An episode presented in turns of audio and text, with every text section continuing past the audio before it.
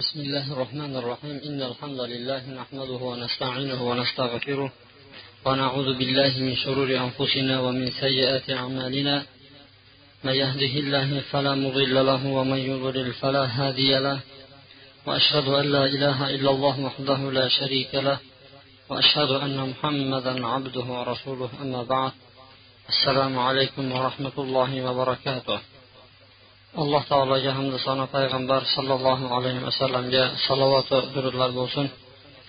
Mana bu alloh subhanava taolo kelayotgan muborak oylarni hammamizga ham sog' salomat ana shu kunlarga yetib olib chiroyli ibodat qilmoqligimizni hammamizga nasib qilsin. Oldimizda turgan oy ramazon oyi. Ramazon oyida alloh subhanava taolo mo'minlarga bu kunlarni ro'zasini farz qilgan edi. Ana shu kunlarga alloh subhanava taolo hammamizni ham sog' salomat yetkazsin buning uchun salaflar duo qilishardiki allohimma sallim ila ramazon sallim li ramazon. Ey olloh ramazonga meni salomat yetkazgin va ramazonda meni salomat qilgin. Chunki ramazonga bir odam yetib olishi mumkinu lekin sog'lom yetolmasligi mumkin. Ana shu paytda ibodatni chiroyli bajarish uchun sog'lom bo'lish ham shart bo'ladiki allohdan mana shuni ko'p duo qilib turib biz so'rashimiz kerak ekan. Sizlar bilan juma suhbatlarimizda payg'ambarlar silsilasidan yusuf alayhissalomni qissasi haqida suhbatlashayotgan edik. Bugun ham inshaalloh ana shu qissani kelgan joyidan davom ettiramiz. Yusuf alayhissalom zindonga tushgan paytda u bilan birga ikki yigit ham zindonga kirgan edi. Ikki yigit o'zlaridagi ko'rgan tushlarini yusuf alayhissalomga aytib berdilarki ana shu tushlarini tabirini ularga bayon qilishlik uchun. Yusuf alayhissalom bu tushni tabirini qo'ydida ularni muhim narsa nima? Ikki dunyo baxt saodati bo'lmish alloh subhanava taoloni tanishlikka va oxiratga iymon keltirishlikka allohni buyruqlarini bajarishlikka da'vat qilayotgan joyida to'xtagan edi sizlar bilan yusuf alayhissalom ushbu gaplarni aytgan ediki ya sohibai sijni ey zindon birodarlarim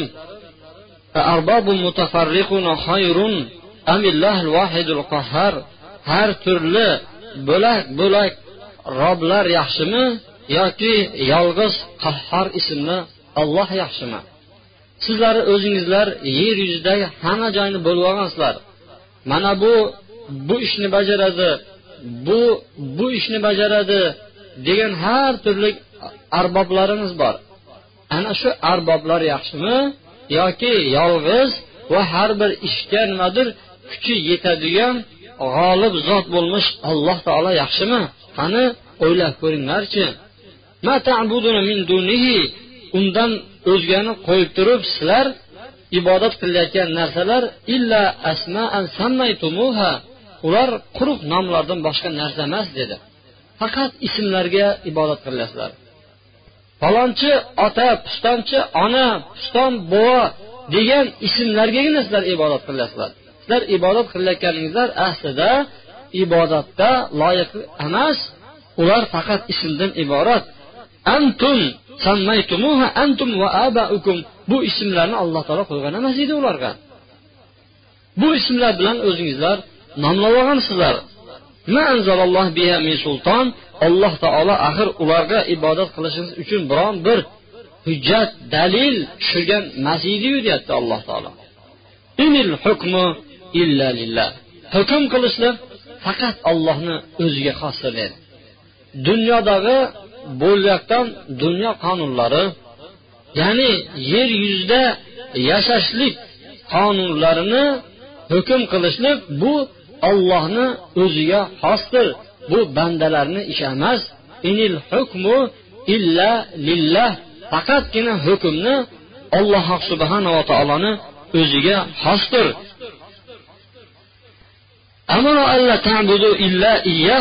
alloh taolo buyurdiki faqat uni o'zigagina ibodat qilishlik uchun buyurdi. Olloh buyurdi nimaga buyurdi sizlarni? Faqatgina yolg'iz o'zigagina ibodat qilish uchun buyurdi. O'zidan boshqasiga ibodat qilmaslikka alloh taolo buyurdi. Mana shu to'g'ri dindir deyapti alloh taolo. Biroq odamlarni ko'pi mana bu narsani bilmaydi dedi savol tug'iladiki bizlar ham shu ko'pchilikni ichiga kiramizmi kirmaymizmi degan savol tug'iladi. Alloh taolo guvohlik berib aytyaptiki buni ko'p odamlar bilmaydi. Buni muqobilida nima yotadi? Buni muqobilida kam odamlar biladi degan so'z yotadi. Ho'p savol tug'iladiki nimani biladi kamchilik odamlar? Ko'pchilik odamlar nimani bilmaydi? Alloh taoloni o'zi aytib turibdi. Alloh taolo o'zidan boshqasiga ibodat qilmaslikni buyurdi. Ollohdan boshqaga ibodat qilmanglar deb turib alloh taolo buyurdi. Ana shuni ko'pchilik odamlar bilmaydi. Borib turib qabrlarni tepasida yig'laydigan odamlar bor. Lekin ollohni eslab turib biron bir kun yig'lagan emas. Ba'zi bir nimadir hozir kundagi ko'rayotgan televizorda kinolar ko'rishyapti. Shu kinodagi ba'zi bir ishlardan ta'sirlantirib yig'laydigan odamlar bo'ladiyu lekin allohni eslab turib biron marta hayotdan yig'lamay o'tib ketadigan odamlar bo'ladi. O'ziga yaxshilik qilgan odamga ta'zimu tazarru bilan o'tib ketadigan odamlar ko'pu lekin ollohni o'zigagina ta'zimu tazarru qiladigan odamlar juda kam bo'ladi. Hozirgi odamlarni ko'radigan bo'lsangizlar qabrlarni chetida aylanib tavof turib hattoki uylaridan qasd qilib haj maqsadida chiqayotgan odamlar ham yo'q emas. Saf saf mashina mashina avtobus avtobus o'tib ketayotgan odamlarni mana emas o'z ko'zingizlar bilan ko'rib turibsizlar. Alloh subhanava taolo aytyaptiki alloh taolo o'zidan boshqasiga ibodat qilmasliklaringizni buyurdi zalika dinul qayyim. Mana shu to'g'ri dindir. Bundan boshqa to'g'ri din bo'lishi mumkin emas deyapti din man bir odam man dindaman deyishi mumkin. Lekin u odamni hech qanaqa haqqi yo'qki man to'g'ri dindaman deyishlikka umuman haqqi yo'q. Chunki ular man dindaman deb turib hamma ishni qilib yotibdi. Qurbonlikni ollohdan boshqasiga ham atayapti nazrni ollohdan boshqasiga atayapti. Ilgari nazr yeydigan odamlar bo'lardi. Hozirda ham shulardan asoratlar qoldiqlar qolib ketganki o'n bir tanga palonchiga o'n yetti tanga pistonchiga ha nega o'n bir tanga nega o'n yetti tanga? Yo'q shular nazr yeb degan nazrni shularga biz qilishimiz kerak deb qo'yishadi. Alloh subhanava taolodan boshqasi uchun qilingan nazr shirk bo'ladi. Alloh taolo buni duosini qabul qilmaydi. Hozirgi paytda ham yetti tanga tashlaydigan odamlar bor ekan shunaqa joylarga. Borib turib nima qilar ekan shu odamlarga borib turib yigirma besh tanga chiqirib turib shuni maydalab yetti yetti tangani nima qilar ekan tashlaydigan odamlar hozirgacha bor ekan. Alloh subhanava taolo qur'oni karimda degan alloh taolo zolimlarni adashtirib qo'yadi degan. O'zi zolim bo'lgandan keyin to'g'ri dinda ibodat qilishni bilmagandan keyin uni oti zolim bo'ladi. Zolimlarni ibodatini ham adashtirib qo'yadi deydi. O'zi aslida olib qaraganda yetti tangasi bilan dunyo o'zgarib ketmaydi. Uni agar shu manfaat keltiradi deydigan bo'lsa lekin u yetti tangasi bilan u do'zaxni sotib olyapti deydigan bo'lsak biz mubolag'a qilmayotgan bo'lamiz. U yetti tanga emas kishi bir tanga bilan ham do'zaxga kirishi mumkin. Katta katta pullar sarflab turib benamozlik qilib yoki bo'lmasa shaytonni yo'liga kirib turib odamlarni to'plab har xil naydanglar o'tkazishni shart emas. Bir tanga bilan do'zaxga kirishi mumkin. Buni dalili ham bor. Buni dalili payg'ambar sollallohu alayhi vasallam aytdiki bir odam pashshani deb turib do'zaxga kirdi bir odam pashshani deb turib jannatga kirdi dedi bu hadisni hammangizlar yaxshi bilasizlar. Do'zaxga kirgan odamga aytildiki bir joy bo'lardi o'zini. Hozir bizni tilimizda aytganda chegara. Shu chegaradan yo'l qo'yishmas ediki shu joyga kirib ketayotgan paytda bizni ilohimizga qurbonlik qilasan bo'lmasa kirgizmayman deyishadi. Qurbonlik qilishga hech narsam yo'q desa mana pashshani bitta pashsha bo'lsa ham qurbonlik qilasan keyin kirasan desa bu nima bu pashsha ekanda bu deb turib shuni qurbonlik qilib turib o'sha ilohga kirib ketganligi uchun u do'zaxga kirdi dedi payg'ambar alayhissalom. Shu qurbonlikni pashshani olib kelib turib shuni bir tiyinga kim oladi deydigan bo'lsa agar sotib olayotgan odam jinni bo'lmasa uni hech kim sotib olmaydi. Demak do'zaxga tushishlik uchun u katta pulon sarf qilish shart emas ekan. Payg'ambar sollallohu alayhi vasallam aytdiki do'zax ko'ngil istagan narsalarni hammasi bilan o'ralib olgan. Shahvat o'yin kulgi yemoq ichmoq hayolga nima keladigan bo'lsa shuni shunday bajarib ketishlik bilan bu do'zaxni cheti shu bilan o'ralgan. Ammo buni aksi esa jannat esa shahovatlar bilan o'ralgan. Qiyinchilik. Tabiatingizni yengishingiz kerak. Yenggandan keyin o'tgandan keyin keyin sizga nima qiladi? Savol javob hisob kitob mezon tarozi. Ana undan keyin siz borib turib jannatga kirasiz. Jannatga kirishlik oson emas. Alloh subhanava taolo faqatgina o'ziga ibodat qilishlikqa buyurdi. Undan boshqasiga ibodat qilmasliklaringizni buyurdi. Hozirgi paytda odamlarni islom qarashi nimadir? La ilaha illalloh muhammadur rasululloh desa shu namozni bir amallab o'qisa undan keyin hayotda nima qanitini so'rasa so'rsin lekin shu bilan nimadir? Bu man dindaman deb davo qiladi. To'g'ri ular dinda lekin haqiqiy dindaman deb turib davo qilishlikka ularni haqqi yo'q. Alloh taolo aytyaptiki dinul qayyim. Ollohga boshqasiga ibodat qilmay yolg'iz ollohni o'ziga ibodat qilishlik bu haqiqiy dindir deyapti. Mana shu narsani ko'pchilik odamlar bilmaydi. Shu surani oxiridan keladiki odamlarni ko'pchiligi iymon keltirdik deb aytadilaru lekin mushrik bo'lgan holatlarda iymon keltiradilar dedi bu oyatni tasdig'i inshaalloh bu surani oxirida keladi. Yusuf alayhissalom ularga bo'lgan da'vatlarini qisqacha mana shunday nima qildi bayon qildi. Odatda odamlar muhtoj bo'lib kelgan paytda bir da'vat qiladigan bo'lsamiz eshitadi da'vatingizni majbur bo'lganligidan eshitadiyu lekin u so'rab kelgan narsani siz bermaguningizcha uni hayoli shu narsada turadi. Shuni bermasangiz sizni da'vatingiz bekorga ketadi. Shuni beradigan bo'lsangiz da'vatingizni ta'siri nima qiladi? Unda topiladi. Bu kishi ham bo'ldi endi man o'zimkini bajarib oldim boraveringlar demasdagin endi tushni nima qildi? Tabiriga o'tdi. Tush shunday bo'lgan ediki ikkalasi birinchi ko'rgan tushlarini bayon qilgan paytda man uzum siqayotgan ekanman dedi. O'zimni siqib xamir qilayotgan ekanman dedi. Ikkinchisi men dedi non ko'tarib ketyapman boshimda. Boshimdagi nonni qushlar to'qib ketyapti. Shu tushni tavilini aytib bering degan tush edi. Bu tushni endi tavilini aytishib o'tdiki ya sohiba amma ahadukuma fayasqi robbahu khamra. Ey zindondosh birodarlarim dedi. Ikkalangizdan bittangizlar o'zini robbisini xamir bilan sug'oradi. Ya'ni xamir soqiylik qiladi. Bizni tushunadigan tilda aytadigan bo'lsa kasagurlik qiladi. Mast qiluvchi ichimlikni quyib berishlik vazifasiga o'tadi dedi. Ikkalaringizdan bittangiz dedi. Va ammal ahar boshqasi dedi. U osiladi dedi. Keyin uni boshidan qushlar cho'qib yeb ketadi. Deb mana shunday ikkala tushni tabirini aytib berdi. Bu tushni aytishlik birinchi qismi yengil edi chunki birinchi qismi bashorat edi. Xursandlik qiladigan nimadir alomat ediki uni ikkalangizlarni bittangizlar dedi. Qaranglar payg'ambarlar shunaqa xalqlarga mehribon bo'lganki gapni o'zini joyida tovib gapira biladigan suratdagi juda mehribon kishilar bo'lgan. Ularni qalblari qattiq kishilar bo'lgan emas payg'ambarlarni. Ikkini bittangiz deb turib to'g'ridan to'g'ri xitob qiladiki ikkangizni bittangiz dedi. Hojisiga soqiylik qiladi dedi. Sug'oradi. Unga sharob quyib beradigan manzilatga chiqadi dedi.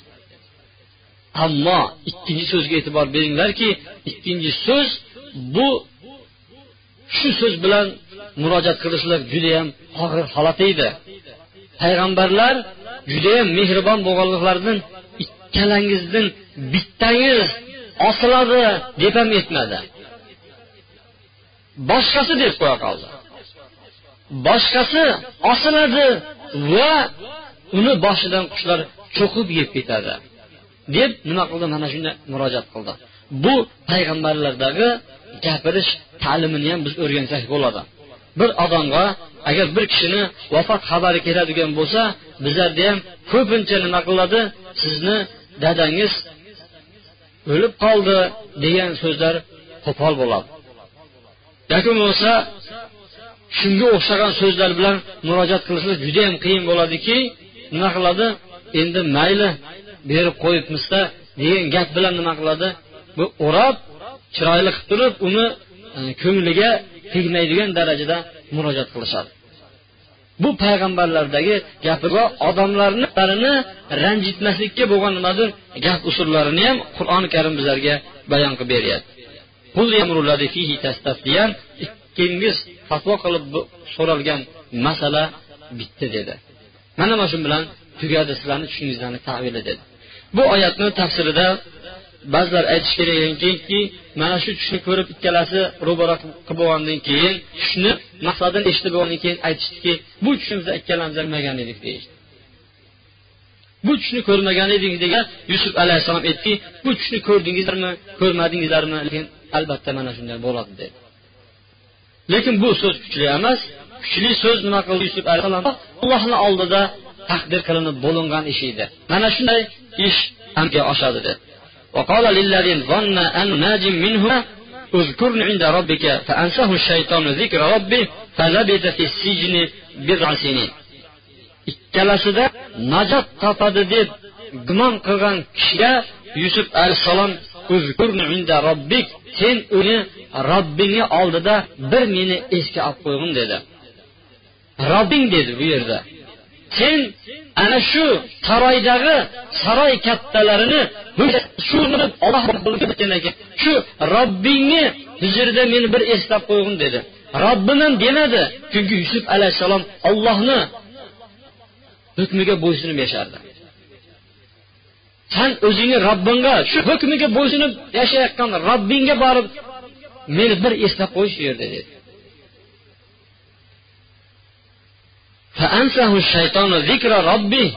Shayton robbisini oldida ana shu so'zni eslab qo'yishni ham esdan chiqirdi.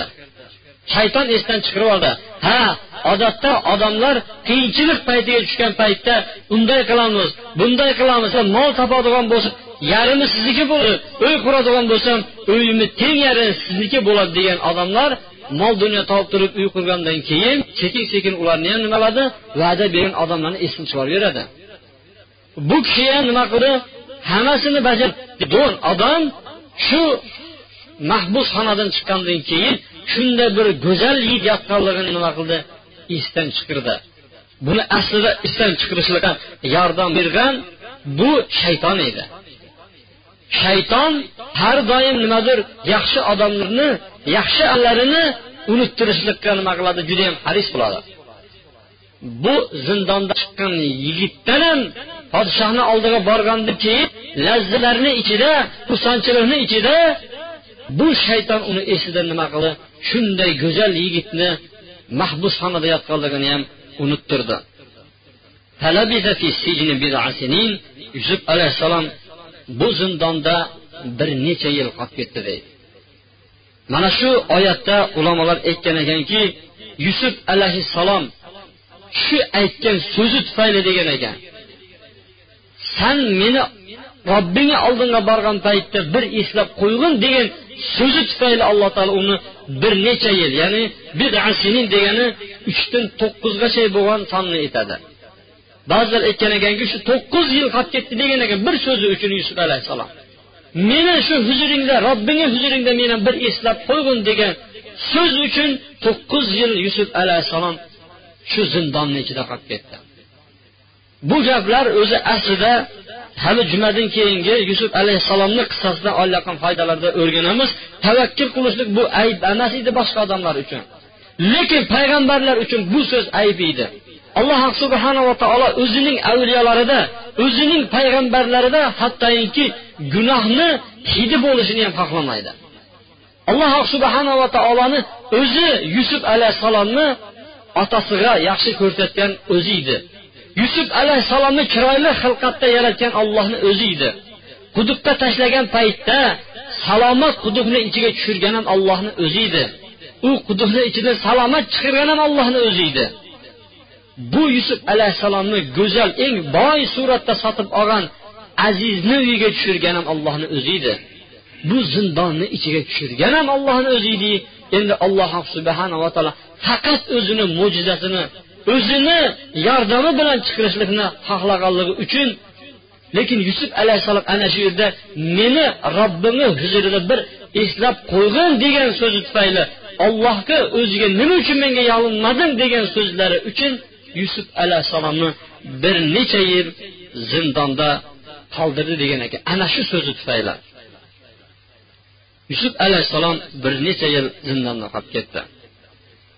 Bu oyat mana shu yerda to'xtaydiyu yusuf alayhissalom zindonda qoldiradida to'satdan yana saroy hayotiga nima qiladi? Bizlarni qur'oni karim yetaklab kiradi. وقال الملك إني أرى سبع بقرات سمان يأكلهن سبع عجاف وسبع سنبلات خضر وأخرى يابسات. يا أيها الملأ أفتوني في رؤياي إن كنتم للرؤيا تعبرون. podshoh aytdiki men tushimda yetti semiz sigir ko'rdim dedi yettita judayam semiz sigir ko'rdim yettita nihoyatda ozg'in sigirlarni yeb yuribdi. Va yetti yashil boshog'iga to'lgan bug'doyni ko'ryapman va boshqa yana yettitasini ko'ryapman qup qurug'ini ko'ryapman dedi. Voy mala mala degani voy ayollar dedi voy saroy ahli dedi meni tushimni tabir qilib beringlarchi dedi. Yo'yib beringlarchi meni tushimni agar sizlar tushlarni tabirini sizlar nimadir yo'ya biladigan bo'lsangizlar shuni tafsirini aytib beradigan bo'lsangizlar qani manga aytib beringlarchi dedi. Bu tushdan dalolat bo'ladiki arab tilidagi aro kalimasi hozirgi bo'layotgan zamonda ishlatiladiki bu tushni bir marta emas balki bir necha ko'rgandan keyin podshoh ham o'ylanib qolib turib o'zini saroydagi tush bilan shug'ullanadigan xalqlarni yig'ib turib man mana shunday tush ko'ryapman manga nima qilinglar? Shuni tavilini aytib beringlarchi deb turib murojaat qilganligini qur'oni karim bizlarga zikr qilyapti. E'tibor beradigan bo'lsak bu yusuf alayhissalom qissasida uchta tush bizlarga bayon qilindi. Birinchisi yusuf alayhissalom tushi ikkinchisi haligi ikki yigitni tushi uchinchisi podshoni tushi. O'zi aslida mana bu surat tushni ustiga qurilgan bo'lsa ham uchta tush bilan hayotdagi jamiyatdagi bo'layotgan ishlarini hammasini ochib beryapti. Hayot o'zi nimadan iborat? Hayot oiladan iborat. Birinchi tushda oila haqida ketdi. Ikkinchisi zindon uchinchisi saroy. Mana shu uchta tush bilan qur'oni karim shu davrdagi bo'layotgan ishlarni hammasini ochib beryaptiki va kelajakdagi bo'ladigan xatolarga ham nima qilyapti bizlarni bayon qilib beryapti. Endi biz mavzudan biroz tashqariga chiqib turib alloh subhanava taolo payg'ambarlarni har xil davrda yubordi. Bu zamon har doim davom etaveradiki bir tomonlama rivojlanishi bilan davom etadi. Xususan muso alayhissalom davrida nima rivojlangan edi? Sehr rivojlangan edi. Shunaqa sehrgarlar ko'payib turib hattoki muso alayhissalomni oldiga nima qildi? Kichkina kichkina kaltashalarini qamchilarini arqonlari shundoq tashlagan edi. Ular ilon bo'lib turib yugurib nima qildi muso alayhissalom qarab turib yugurishdi. Alloh subhanava taolo muso alayhissalomga tasha dedi. Asoingni degan paytda asosini tashlagan paytda muso alayhissalomni hassalari nimaga aylandi? Ajdarga aylandi. Ularniki ilon bo'lsa muso alayhissalomki ajdarga aylandi degan ularni barini borib yutib keldi. Sehrgarlar ham bunga lol qoldiki nima qildi? Hammalari sajdaga yiqilish iymon keltirishdi. Alloh subhanava taolo bu borada muso alayhissalomnikini yuqori qildi. Lekin muso alayhissalomga sehr emas bu mo'jiza edi. Va davud alayhissalom davrida temirchilik rivojlangan bo'lsa davud alayhissalom temirlarni xuddi nimadir xamirday bemalol o'ynardi. Xohlagan shaklga keltira biladi. Bu tomonlama boshqa odamlardan yuqori bo'ldi. Iso alayhissalom davrida nima rivojlangan edi? Tabobat rivojlangan edi. Hamma kasalni shifosi bor edi. Hozirgi kunda insonlar davolanmayotgan buni davosi yo'q deb turib yer yuzi o'zini oldiga qo'ygan beshta muammo kasalliklari iso alayhissalomni davrida yechib bo'lingan edi ular. Faqatgina tug'ma ko'r tug'ma pes tug'ma kar mana shularni va o'lganlarni qayta tiriltirishlik shu kasallik qolgan edi xolos. Alloh subhanava taolo iso alayhissalom payg'ambar qilib jo'natdi. Mana shu mo'jizalarni berdi u kishiga. O'liklarni tiril desa tirilardi allohni izni bilan. Hattoki o'lgan qushlarga borib turib uch desa uchib ketardi. Tug'ma ko'r tug'ma pes saqov go'nglarni hammasini yapirtirib ko'rsatib turib chiroyli terlanib berishlikka ollohni izni bilan iso alayhissalom qodir edi. Bu tomonlarni alloh taolo nima qildi? Shu odamlarni ustini ustun qilib qo'ydi. Payg'ambar alayhissalom davrida nima rivojlangan edi? She'riyat chiroyli gapirish arab tilida gap yurgizish. E, bo'lib ham bu gaplar mabodo mabodo. Bir odam she'r bilan gapirolmaydigan bo'lsa toza arab tilida nihoyatda judayam kuchli suratda gapirishlik judayam rivojlangan edi. Hattoki shoirlar musobaqa o'ynardi kabani atrofida kim arablarni ichida yettita odam bo'lardiki yettita shoir bo'lardiki bu yettita shoir nihoyatda kuchli shoirlar hisoblanardi. Ana shu shoirlarni hozirgi paytda arablarni o'zi shu johiliyatdagi shoirlarni she'rlaridan nima qilyapti tillarini o'rganib yurishibdi. Shunchalik kuchli bo'lgan odam. Payg'ambar alayhissalomga alloh subhanava taolo qur'on tushirdi. Qur'on tushirgandan keyin nima qildi? Ularni hammasi qur'onni oldida lol qolishdi sabatu muallaqot deb qo'yadi. Yettita kishi kabada musobaqa o'ynardi. Judayam kuchli she'rlar kabaga osilardi. Bir odam she'r yozib ketardi. Shu yettita odam bittasi she'r osib ketib shunga kelib turib ikkinchi odam uni mat qilishlik uchun keyingi she'r yozadi shunda bir birini mat qilib turib nima qiladi? Ustidan kulib shunaqa til ustasi rivojlangan edi.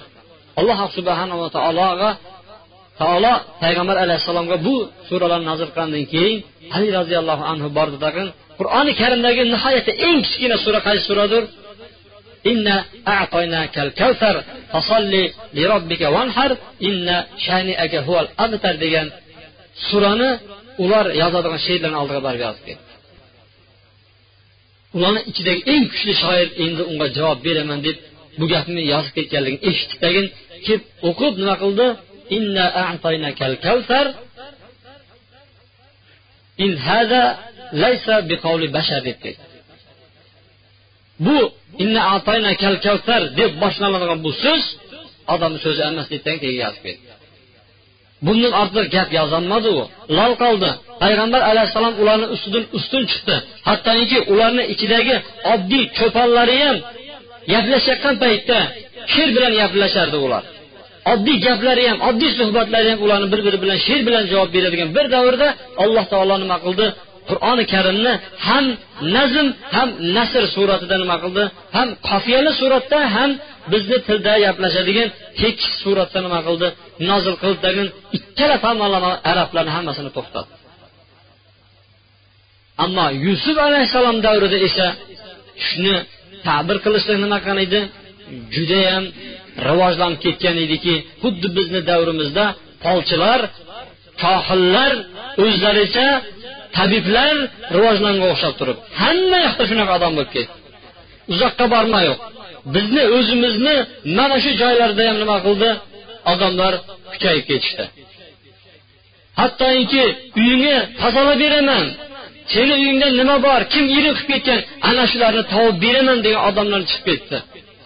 Shu odamlar oldidagi mashhur mashhur ulamolarni so'zlariyu mashhur kitoblaru ularni oldida hech narsa bo'lmay qoldi. Hattoki o'zimiz bilan ko'ryapmizki bu masjidga kelishlikka chanasi yetmaydigan odamlar ikki bukilib shu uyga kirib ketayotganini o'z ko'zimiz bilan guvohlik bo'ldik. Ikki bukilib yerga bir qarich qilayotgan odamlar ham shu odamlarga nima qilyapti bir ko'rib qo'yishlik uchun shularni huzuriga odamlar kelayotganini o'z ko'zimiz bilan ko'rib turibmizki bu odamlarni nodonligi hisoblanadi.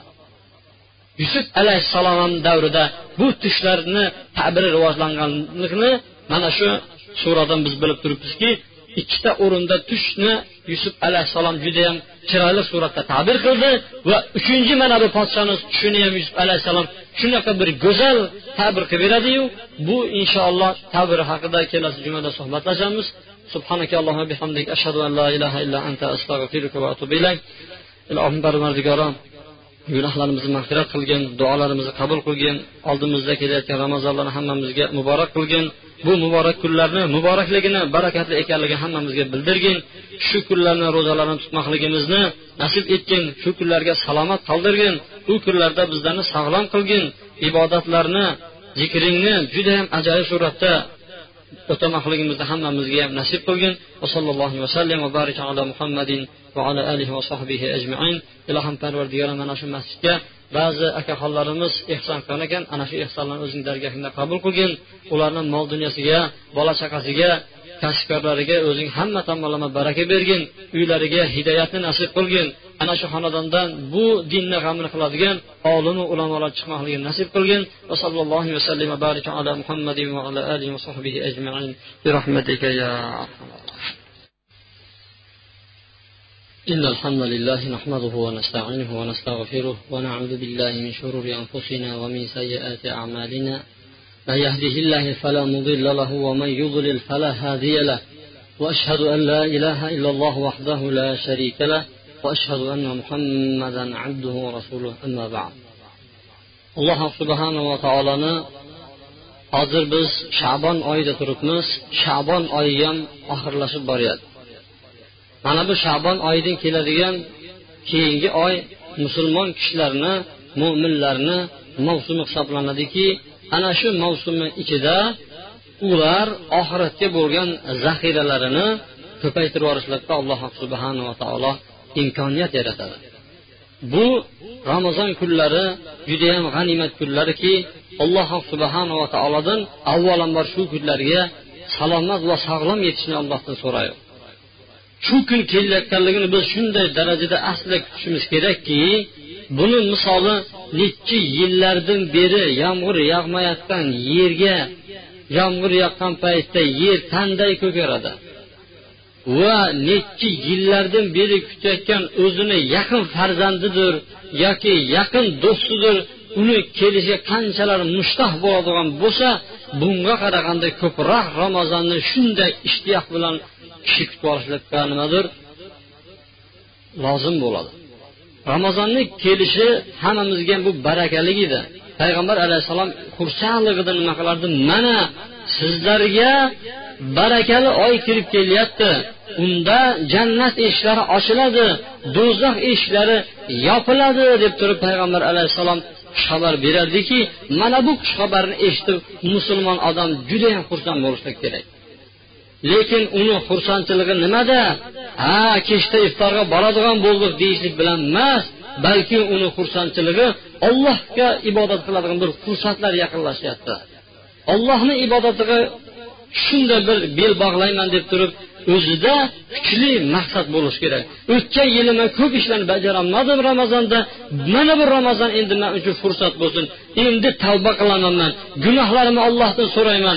Meni gunohlarim judayam ko'p. Allohni oldida nima deb javob beraman? deb turib ana shu ramazonga hozirdan tayyorgarlik ko'rish kerak. Yana man sizlarga aytadigan bir nasihatim ramazonda bu yilgi ramazon judayam issiq bir kunlarga to'g'ri kelyapti. Hamda ibodat mavsumi bilan bo'lish bilan birgalikda mehnat mavsumi ham. Dehqonlar o'zini dehqonchiligini yig'ilish yig'ilish bilan ovora bo'lsa quruvchilar o'zini qurilishi bilan va hamma sahadagilar ana shu paytda judayam ishlari qizigan bir davrda ramazon shu kunlarga nima qilyapti? To'g'ri kelyapti. Demak shundoq ekan boshqa odamlarni mana bu ramazonga targ'ib qilishingizlar kerak bo'ladi. Bu kunlar issiq uzoq kunlar. Man chidayolmayman degan odamlarni sekin astalik bilan yo'q. Sabr qil o'tib ketadi. Rayyon ismli jannatga olib kiradi alloh taolo. Bu rayyon ismli jannatga faqat ro'za tutganlar kiradi. Keling deb turib shunga bir birimizni da'vat qilishimiz kerak. Bizni xalqimiz bu quruq so'zlarga uncha yurmaydigan bo'lib qolganlikdan payg'ambar alayhissalom tahaddu tahabbu deganlar. Hadya beringlar bir biringizlarga qalblarini o'zingizlarga rom qilib olasizlar. Ya'ni yaxshi ko'rasizlar sizlar shu paytda degan edi. Ramazon sovg'asini tayyorgarlashlikka sizlar harakat qilinglar. Kichkina bir sovg'alar tayyorlanglarki bu ramazon sovg'asi bo'lsin. Masalan shu ramazon ahkomlari haqida yozilgan kitoblar kasetalar disklar bo'lsin yoki bo'lmasa bitta kichkina nimadir chiroyligina bir ruchka bo'lsa ham yo kichkina bir chiroyligina kitobcha yo ramazonni nimadir og'iz ochar saharlik vaqti jadvallari yozilgan bir kichkina nimadir varaqalarni tayyorlab ramazon bilan odamlarni tabriklashga harakat qilinglar. Kichkina kichkina sovg'alar beringlarki shu bilan masjidlarga yetaklanglar ularni. Ro'za tutishlikka undanglar. Uydagilarni targ'ib qilinglarki bu ramazon oyi muborak oy. Lekin hammaga ham emas. Bu muborakligi faqatgina mo'minlarga shu kunda ibodat qiladigan tazarru qiladigan ro'za tutadigan taravih o'qiydigan odamlarga muborak. Ammo bu kunlarni barakaligini bilmasdan bu joylardan uzoqda yurganlar uchun baraka emas balki ularga usti ustiga nadomat va hasrat bo'ladi. Alloh subhanava taolo ana shunday kishilardan qilib qo'ymasin. Barakallohu li va lakum fil qur'anil azim va nafa'ani bima fihi min al ayati va zikril hakim. Va taba alayya va alaykum innahu huvat tawwabur rahim.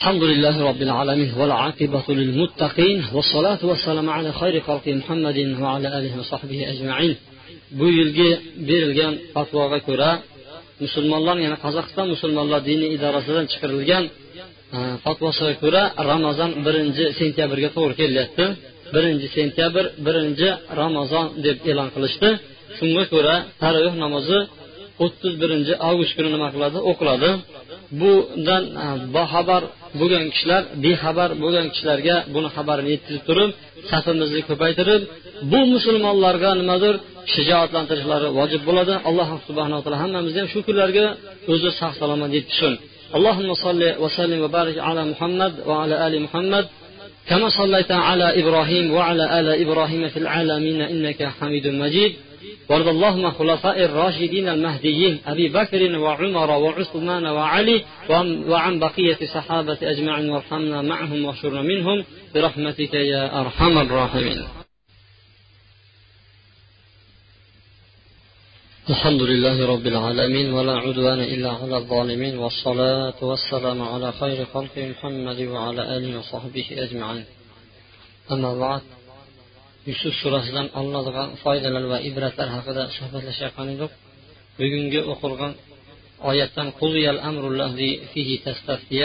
siz ikkingiz fatvo qilib bo'lgan so'ragan ish bitdi ya'ni allohni huzurida taqdir qilib bo'lingan edi degan oyatdan olinadigan foyda shundan iborat ekanki tushni tabirini bilishlik va buni aytishlik ilmga suyangan holatda bo'lishi kerak bo'ladi.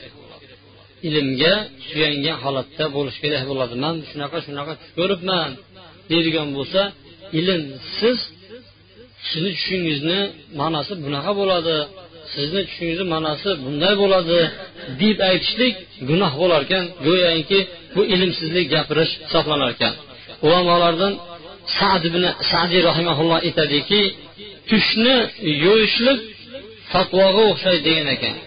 Fatvo berishlik judayam og'ir masala fatvo berayotgan odam ollohni nomidan gapirayotgan kishi hisoblanadi. Fatvo berayotgan kishi ollohni nimadir go'yoki ollohni nomidan gapirayotgan bo'ladi. Agar mabodo ollohni nomidan noto'g'ri gapirib qo'yadigan bo'lsa uni holi nima bo'lishini hammangizlar bilasizlar.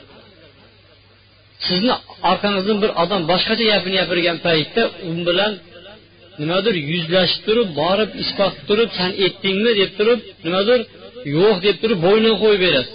Durustmi? Endi alloh subhanava taoloni nomidan gapirishlik judayam og'ir masala. Sahobalar hattoki bu masalada nima qilgandir? O'zlarini chetga olishganki shuni ta'bir qilishlik bu ham ilm hisoblanadi. Ilmsiz odam ta'birini qilmaslik kerak bo'ladi. Payg'ambar sollallohu alayhi vasallam nima degan edi? Bu tush go'yoki odamni boshida qushga o'xshaydi ta'bir qiladigan bo'lsa shunday tushadi degan. Masalan bir odam bir tush ko'rgan edidagi tashqarisidan boshqacharoq turibdi ha bo'ldi siz o'larkansiz deydigan bo'lsa shundoq deb turib nimadir yo'y bergan bo'lsa shu ish sodir bo'lar ekan chunki payg'ambar alayhissalom hadisiki bu qush deydi. Boshda turgan qush agar shuni yo'yadigan bo'lsa xuddi shu narsa hosil bo'ladi degan. Demak birinchidan tushni hamma odamga ham bermaydi ikkinchidan shuni qani man bir urinib ko'raychi man hozir sizga yo'yib beraman deyishlik bu og'ir masala hisoblanadi.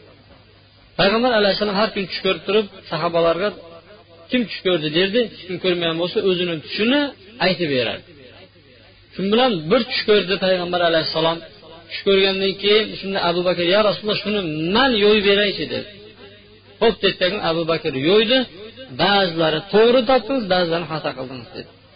Shunga ko'ra nima ana abu bakr yo'yibdi bizlar ham yo'yib beramiz degan gap u gap emas chunki abu bakr ilmli avvalambor tushni yo'yishlik uchun unga ikki xil ilm berilar ekan birinchisi tug'ma beriladi odam tug'ma tabiat bo'ladiki shu tushni yo'ya biladigan tabiatda nima qiladi?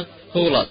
Hamma shunga salohiyatli bo'lavermaydi ikkinchi u tushni ilmi o'rganiladiki bu tushni tabir qilishlik uchun birinchi qur'onni bilish kerak. Qur'onni yodlamagan bo'lsam oyatlar qayerda joylashganligini ma'nosini aniq bilish kerak. Qur'onda bir surani so'raydigan bo'lsa ha falonchi deb turib varaqlab mana mana bu yerda deb turib topa biladigan darajada ilmi bo'lishi kerak. Bu birinchisi. Ikkinchisi hadisi shariflarni bilish kerak. Hadisi shariflarni bilish kerak. Uchinchi voqelikni judayam yaxshi nima qilish kerak? Bilish kerak.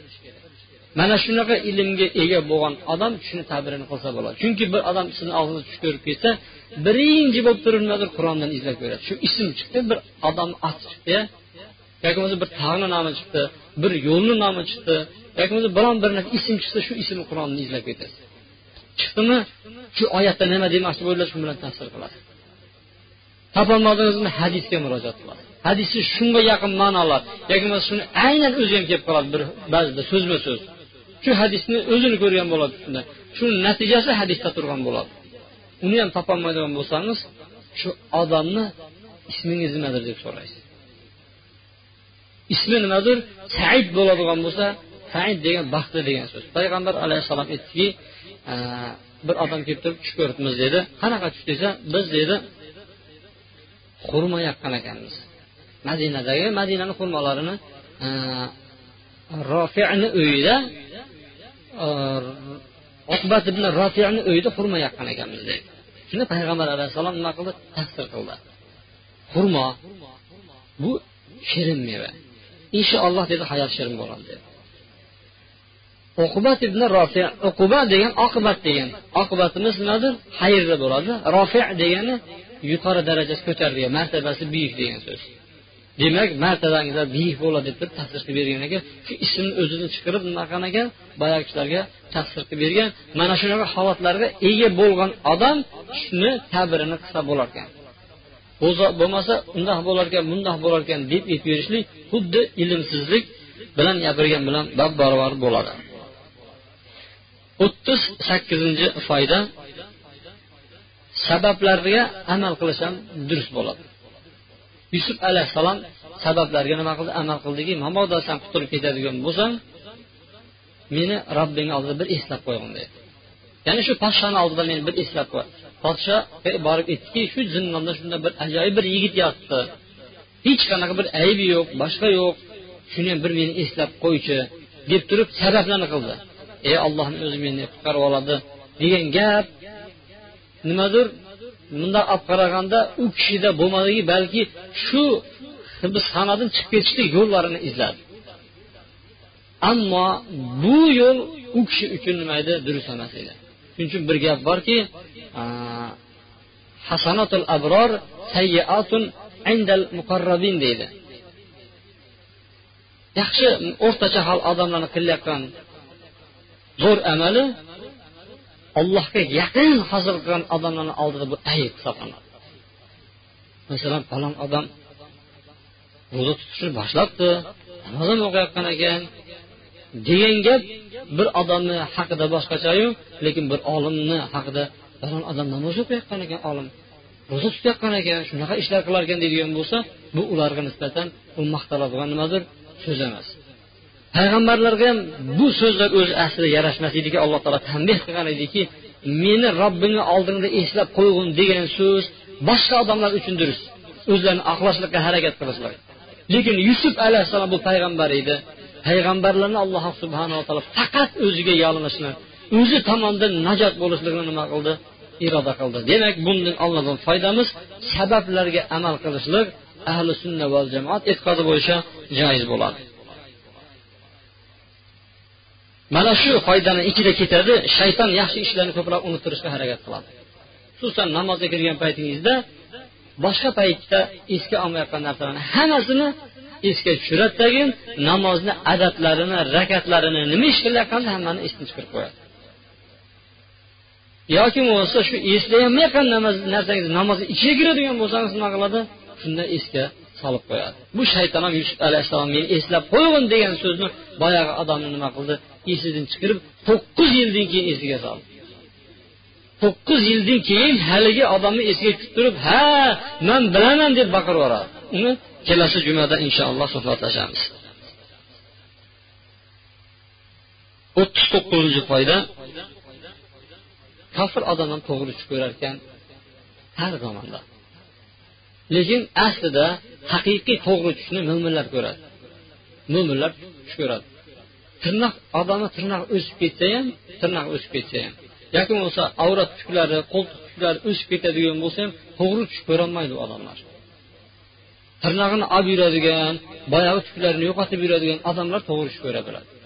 Payg'ambar alayhissalom ko'p sahobalarni so'rardi kim bugun tush ko'rdi? Hech kim indamagandan keyin paxtadan tush ko'rardingizlar tirnoqlarimiz o'sib yotdi dedi payg'ambar alayhissalom demak to'g'ri tush ko'radigan odam birinchi sharti mo'min bo'lishi kerak ikkinchisi fitratga amal qilib yurish kerak. Ammo mana bunga o'xshagan kofirlar ham har zamonda to'g'ri tush ko'rib qolar ekan bu to'g'ri tushi u asli u kishini hidoyatiga sabab bo'ladi. Bir fosiq odam ham tush ko'radi bir gunohkor odam ham tush ko'radiyu lekin shu tushi u kishini nimadir hidoyatiga sababchi bo'lar ekan mana bu tushda ham podshohni hidoyatiga emas butun misr shahrini hidoyatiga sabab bo'ladigan tush ko'rdi. Bu tushni inshaalloh tabili haqida foydalar haqida kelasi suhbatda gaplashamiz subhanakallohu bihamdik ashhadu an la ilaha illa anta astag'firuka va atubu ilayk va sallallohu vasallam va barak ala muhammad va ala alihi va sahbihi ajma'in bi rahmatika ya arhamar rohimin